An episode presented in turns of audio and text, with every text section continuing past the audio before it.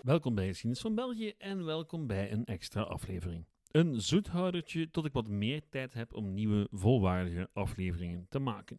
Vandaag een van de meest gevraagde onderwerpen door luisteraars: neutraal Moresnet. Ooit het Lagelandse equivalent voor Andorra, San Marino, Liechtenstein en andere dwergstaten, vandaag niet meer dan een dorp in de Ardennen. Onder een andere naam dan nog. Waarom Moresnet ooit een eigen landje was, hoe dat precies begon en waarom er een einde aan kwam, zijn uiterst boeiende vragen waar ik in deze aflevering een antwoord op probeer te formuleren. Het heeft alles te maken met Napoleon, zink, vreemde compromissen, Esperanto, casino's, smokkel en de Eerste Wereldoorlog. Dat en nog veel meer in deze extra aflevering van Geschiedenis van België.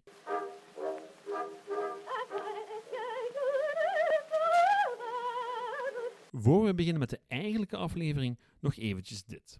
Neutraal Moresnet is een stuk ingewikkelder dan ik dacht toen ik dit ben beginnen schrijven.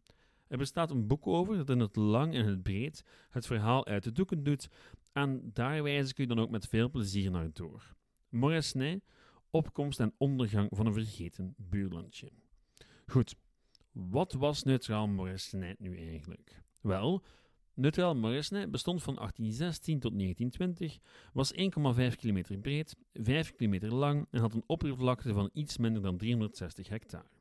Daarmee kleiner dan Andorra en Liechtenstein, maar groter dan pakweg Vaticaanstad en Monaco.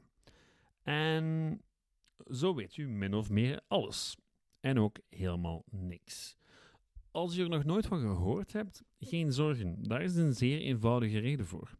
Neutraal Moresnet was een historisch ongevalletje dat door de loop der tijd gecorrigeerd is en dat niet bijster hard gemist wordt. Neutraal Moresnet was, is en blijft een rariteit. Een taartpunt die ondertussen al meer dan 100 jaar tot het verleden behoort en waar enkel sporadisch nog eens wat aandacht aan besteed wordt. Al zijn sommigen van u er misschien wel al geweest. In de buurt toch? Ooit al van een drielandenpunt gehoord? Specifiek dat met Nederland en Duitsland. Wel, op dat drielandenpunt lag neutraal Moresnet. Ooit was het drielandenpunt immers een vierlandenpunt. Oké, allemaal goed en wel, maar waarom eigenlijk? Waarom was daar vroeger een onafhankelijk, land? En hoeveel Moresnets zijn er nu eigenlijk? Want wie een blik op een hedendaagse kaart werpt, die vindt zelfs twee Moresnets. Moresnet en Nooi Moresnet. En wat vroeger neutraal Moresnet was, heet nu Kelmis. Dus u voelt het al, dit wordt een zeer verwarrende aflevering. Want ja, meer dan 100 jaar lang bestonden er dus drie Moresnets in drie verschillende landen. Wat me brengt tot de hoofdvraag van deze aflevering: waarom in godsnaam? Waarom in godsnaam was dat zo ingewikkeld? Wel, zeer kort samengevat, zink en een compromis waar niemand echt tevreden over was. Nu, die zink is echt belangrijk. Zonder die zink was neutraal Moresnet nooit een dingetje geworden. Die zink zat natuurlijk al lang voor 1816 in de grond. Meer zelfs, al van in de 15e eeuw was er een zinkgroeve en de originele naam van neutraal Moresnet, en de hedendaagse naam trouwens, is Kelmis genoemd naar het woord calamijn, wat het synoniem is voor zinkspaat. Er zat zoveel zink in de grond dat de zinkgroeve een begeerlijke prooi werd voor de omliggende steden, graafschappen en hertogdommen. Uiteindelijk trok de Duitse stad Aken aan het langste eind, maar bijster veel bracht die groeve lange tijd niet op. Maar doordat Aken er de plak zwaaide, was de taal er wel Duits. Net als de cultuur. Nu, ook al had die groeve op zich wel veel potentieel, Kelmis bleef ja, een, een nogal achterlijk dorp. Want men had lange tijd niet de middelen om die groeven echt op een efficiënte manier uit te baten. Tot de industriële revolutie. Al duurde tot de Franse bezetting voordat men haar volle potentieel zou waarmaken. In 1795 annexeerden de Fransen de regio bij de gemeente Moresnet en de groeve kwam in de handen van een Frans staatsbedrijf. Dat daar nog eens een nieuwe productiemethode voor zink bij en plots was het gehucht Moresnet een strategische aanwinst voor elk land dat het wist te claimen. En laat dat nu net de hele bestaansreden van neutraal Moresnet zijn. Want ja, in 1815 was het gedaan met de Franse dominantie in Europa. En met de val van Napoleon naar Waterloo werden de Europese grenzen hertekend. En in sommige gevallen werden er compleet nieuwe staten gecreëerd. Ten westen van Moresnet werden de noordelijke en zuidelijke Nederlanden samengevoegd tot het Verenigde Koninkrijk der Nederlanden. En ten oosten claimde Pruisen de Rijnstreek, inclusief Aken. En Kelmis met zijn zinkgroeven, wel, die bevond zich in het midden. En al vlug bleek dat er wat problemen waren geweest met het trekken van grenzen. Dat zowel Pruisen als Nederland toevallig een lijntje had getrokken waardoor die mijn binnen hun grenzen zouden vallen. Er werd onderhandeld en al vlug bleek dat Pruisen en Nederland er maar niet uit konden raken wie wat claimen mocht. En het gevolg was een totaal absurd compromis. Moresnet, de gemeente zoals, de, zoals ze door de Fransen was gecreëerd in 1795, werd in drie gedeeld. Het originele dorp Moresnet werd deel van de provincie Luik in het Koninkrijk der Nederlanden. Het oostelijke stuk kreeg de naam Nooi-Moresnet en viel onder Pruisen. En het midden, het midden werd neutraal Moresnet. En dat was eigenlijk het dorpje Kelmis met de groeven. Nu, men besefte wel degelijk dat het zeer idioot was. En toen in 1816 de beslissing werd genomen, was er dan ook een clausule die zei dat dit allemaal maar een tijdelijke oplossing was. En dat beide landen later nog op de kwestie zouden terugkomen. Wat nooit gebeurde. Nu goed, dat is de ontstaansgeschiedenis. We hebben neutraal Moresnet. Maar hoe werkte dat eigenlijk? Wel, um, amper. En dat is een beetje een van de hoofddingen van neutraal Moresnet. Het was geen goed functionerende staat. Het was iets zeer absurds. Want met het ontstaan van de moderne nazistaten rond haar zat neutraal Moresnet letterlijk en figuurlijk vast. Er waren heel wat onduidelijkheden over wat neutraal Moresnet nu eigenlijk was. Een echt onafhankelijk land of een soort van protectoraat van Nederland en Pruisen. Waren ze inwoners van het ene land, van het andere of van allebei? Waarom moesten ze belasting betalen? Hun dienstplicht doen? Als je een karbier van Moresnet naar Pruisen vervoerde, moest je daar dan belasting op betalen? En aan wie? Moet de douane dat in de gaten houden? Moet er een douane zijn? Welke wet zou van toepassing? De Nederlandse of de Pruisische? Allemaal zeer belangrijke vragen waar de twee commissarissen van Neutraal Moresnet antwoord op moesten geven. Twee, want natuurlijk stelden zowel Pruisen als Nederland er eentje aan. Nu, het is niet dat die twee echt woonden in Neutraal Moresnet. Nee, die bleven waar ze zaten en hielden zich amper bezig met het lokale bestuur. Ze hieven belastingen, maakten de begroting op, maar veel verder ging het niet. Vergunningen, de burgerlijke stand enzovoort, die eer werd overgelaten aan de lokale burgemeester, die trouwens ook nog eens burgemeester was van het Pruisische Noy-Moresnet. Dat lijkt allemaal een boeltje te zijn, en dat was het eigenlijk ook, maar in de praktijk was het leven van de inwoners van Moresnet verre van slecht te noemen. Als gevolg van al die compromispolitiek ontsnapten ze lange tijd aan de minder aangename aspecten van een moderne natiestaat. Geen dienstplicht dus en enkel belasting op luxe artikelen. En wettelijk bleef de tijd er stilstaan. Want bij gebrek aan een akkoord over welke wet van toepassing zou zijn, koos men gewoon voor de Code Napoleon van tijdens de Franse overheersing. En zo werd Neutraal Moresnet een vreemdsoortig eiland, los van de rest van de wereld. Gevolg een instroom van gelukzoekers, met op kop een hoop jonge mannen die weinig zin hadden om dienst te nemen in het leger van respectievelijk Pruisen en Nederland. Tel daar nog eens Moresnes aantrekkingskracht als belastingsparadijs en smokkelplaats bij, en je begrijpt al snel waarom de bevolking in tien jaar tijd verdubbelde. Goed, allemaal goed en wel. Maar wat gebeurde er nu eigenlijk met die zinkmijn en de bijhorende fabriek? Want dat was zowat de enige reden voor het bestaan van de ministaat. Wie had daar nu eigenlijk het touwtje in handen? Wel, wettelijk gezien nog steeds dat Franse bedrijf, dat origineel het beheer van de mijn en de fabriek had gedaan. Dat was ondertussen in privébezit gekomen en de dingen gingen zowat hun gangetje in neutraal Moresnet tot 1830. Het plaatsje bloeide, de fabriek produceerde, maar in 1830 veranderden de, de dingen wel wat. 1830 is immers het jaar van de Belgische Revolutie.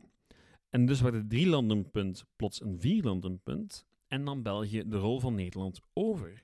Net op tijd trouwens, want vanaf de jaren 30 brak de tweede industriële revolutie uit en werd zink nog belangrijker als grondstof dan het al was. En bleef Moresnet maar groeien. Al waren er wel degelijk grenzen aan de groei. Er zat immers niet eindeloos veel zink in de grond, maar zelfs dat was geen groot probleem. De infrastructuur en de know-how om zink te verwerken was al aanwezig in Neutraal Moresnet, dus waarom niet zink uit andere mijnen halen en verwerken in de fabriek? Tel er nog eens een aansluiting met het Belgische spoor bovenop en je krijgt een regio die ondanks de uitputting van de groeven in 1884 toch kan blijven voortbestaan. Al begonnen België en Duitsland langzaam maar zeker toch te twijfelen aan het nut van dat mini-staatje. Dienstplichtigen, smokkelaars en criminelen vonden maar al te makkelijk de weg naar Neutraal Moresnet. En zonder de mijn waren er minder en minder redenen om Neutraal Moresnet niet gewoon in twee op te delen. Iets waar men zich ook van bewust was in het staatje. In die mate zelfs dat er een onafhankelijkheidsbeweging ontstond, die ijverde voor het eigen voortbestaan. Nationalisme, zowaar. Men ging zelfs postzegels uitgeven. Al staken België en vooral Duitsland daar uiteindelijk een stokje voor. Wat die zegels natuurlijk zeer zeldzaam maakt, en als u er hebt, dan zit u waarschijnlijk op een kleine goudmijn. Nu, ondanks de nationalistische gevoelens in Moresnet, geloofden buiten het staatje steeds minder mensen in het concept. Want Moresnet raakte langzaam maar zeker meer en meer achter op de rest van de wereld. De 19e eeuw zag immers heel wat veranderingen in België en Duitsland. Stemrecht, afschaffing van kinderarbeid, invoering van de leerplicht enzovoort. En Moresnet bleef achter, want al die zaken waren niet voorzien in de Code Napoleon. Er waren geen verkiezingen, geen verkozen vertegenwoordigers van het volk die wetten opstelden. Enkel de Code Napoleon. En die had heel wat gaten in zich. Gaten die met veel plezier werden uitgebuit door de lokale bevolking. Zo werd Moresnet eind 19e eeuw een gokparadijs, bij gebrek aan wetten die gokken verboden. Toen gokken verboden werd in België, namen gokkers en casino-uitbaters onmiddellijk de benen richting Moresnet en was het hek pas echt van de dam. Al werd in die context uiteindelijk wel ingegrepen door de Belgische en Duitse politie. Als je bovenop al dat gokken ook nog eens het grote prostitutieprobleem optelt, dan begrijp je waarom aan de avond voor de Eerste Wereldoorlog zowel België als Duitsland eigenlijk van neutraal Moresnet af waren. Neutraal Moresnet echter, ja, die wouden gewoon blijven bestaan. En zij probeerden maar nieuwe redenen te vinden om toch maar te blijven bestaan. Er waren pogingen om te moderniseren, prostitutie aan banden te leggen en een heel boeiende poging om het eigen bestaan te legitimeren. Want ja, vlak voor Wereldoorlog 1 was er een zeer idealistische vredesbeweging, die dacht dat zij de sleutel had om een eeuwigdurende vrede en welvaart naar de wereld te brengen. Ik heb het niet over het communisme, ik heb het over de Esperanto-beweging. Esperanto kende vlak voor de Eerste Wereldoorlog zijn hoogtepunt als een taal en een beweging. Esperanto was een kunstmatige taal, gemaakt in de hoop om alle mensen dichter bij elkaar te brengen en communicatie te vergemakkelijken, en zo, natuurlijk, de vrede te garanderen. Dat lijkt nu iets wat belachelijk, zo dicht bij het uitbreken van Wereldoorlog 1, maar in die tijd geloofden heel wat idealisten er echt in. En in Moresnet zag men in de Esperanto-beweging een kans om op de kaart te springen en het voortbestaan van een eigen staatje te garanderen. Moresnet moest de eerste Esperanto-staat ter wereld worden.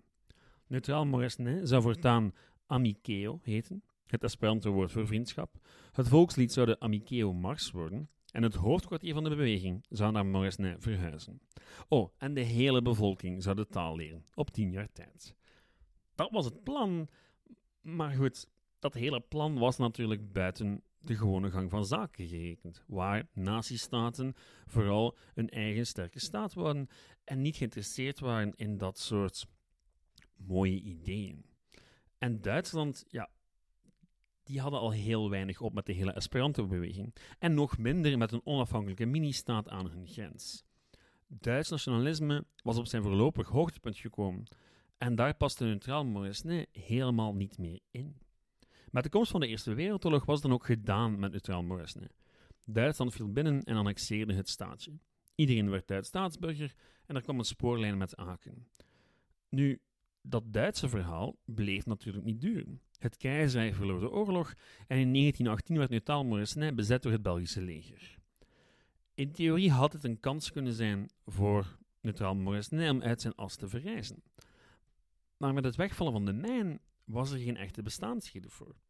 Duitsland werd algemeen beschouwd als de agressor in de oorlog, dus leek het redelijk logisch voor iedereen om beide oostkantons, die sowieso naar België gingen, er gewoon neutraal Moresnet bij te smijten. Dus dat was het.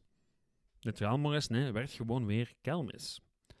En daarmee zit mijn versie van dit verhaal erop. Er valt nog heel wat over te zeggen, want Neutraal Moresnet is een heel boeiend dingetje ten tijde van dat groeiende nationalisme van de 19e eeuw.